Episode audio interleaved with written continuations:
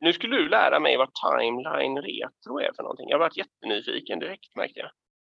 Ja, och eh, team, tidslinje retrospektiv blir väl det svenska ordet då, om vi ska Ja. hålla, hålla till det. Precis, det är en eh, övning som, som jag använder ganska ofta. Jag tycker den är nice, speciellt kanske i slutet av året eller i slutet av ett kvartal och sånt där. Och det går ut på egentligen att man eh, gör en tidslinje som eh, på en tavla eller virtuellt, vad man nu väljer. Då. Man gör en tidslinje på till exempel, om vi nu tar ett årsdag, då tar- gör man ett år. Och sen ovanför tidslinjen gör man en smiley glad smiley och nedanför tidslinjen gör man en ledsen smiley. Och sen så låter man hela teamet då, det här, man kan inte göra det på organisationsnivå kanske, men man gör det på någon form av ledningsgruppsnivå eller sin team eller Ja, vad det nu är. Och sen då så ska alla plotta ut eh, alla händelser under ett år. Allt positivt och negativt som hänt. Då, liksom. Ja, ja. Så placerar du dem, liksom, placerar dem upp och ner. Ja, ja men det brukar Hur bli ganska bra. Mm. Hur stora, förlåt, hur stora och små grejer tar man med? Stora, Nej. hur små grejer tar man med? Jag brukar inte definiera det, det brukar ordna sig. Okej. Men, men Mm. jag, menar, jag menar inte att du behöver definiera det, men jag tänkte i praktiken då, hur, hur små saker brukar komma med? Ja, men det kan ju vara allting så här från att eh, ja, Sara började då i Q2. Just det, det var ju kul när Sara Ja. började. Ja, och sådär. Och, Alltså, min erfarenhet är att många får aha-upplevelser. Man får två stycken aha-upplevelser. Ett är jag bara oj, okej, var, det inte läng- var det inte längre sedan det hände? Liksom? Det är en grej. Och nummer två är sjukt vad mycket vi gör. Eh, som en andra grej då, liksom att man, man ser den mängden arbete som man gör. För många gånger, kan man, det är en kombina- många gånger blir det en kombination av produktsaker som man releasar, kollegor, afterworks, eh, dåliga saker. Ja, Mm. du förstår, det blir en blandning. Ja, Eh, ja, men det blir en blandning av alla möjliga saker helt enkelt. Huller om buller.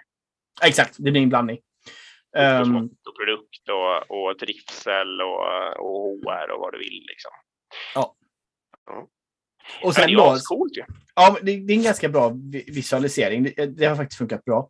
Och sen så då så kan man ju såklart ta det vidare då att man grupperar olika saker som är positiva eller negativa och så kan man fundera på om man vill förbättra det då eller liksom hur kan man göra det för att påverka det nästa år? Om man ser att man har trender på den negativa linjen att ja, vi misslyckades med det där och det där och det där och det där. Så kanske man ska ta tag i det på något sätt. Liksom om man kan gruppera ihop det och hitta något samband mellan de sakerna och sånt då. Just.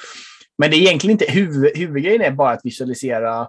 Och många gånger, det här tar inte så lång tid, utan jag brukar lägga typ 10 minuter, en kvart på det. Ja. Och sen har du liksom världens data-timeline då. Ja. Eh, ehm, och det brukar vara en bra check-in-grej också liksom på typ då något så här slutet på året, slutet på kvartalet. Eh, Ja.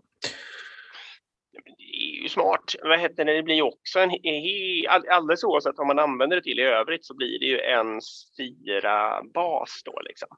För Mm. alla de smileysarna är ju bara att fira och slänga fram sitt fikabröd eller vad man nu har liksom. Eh, och vara glad över direkt.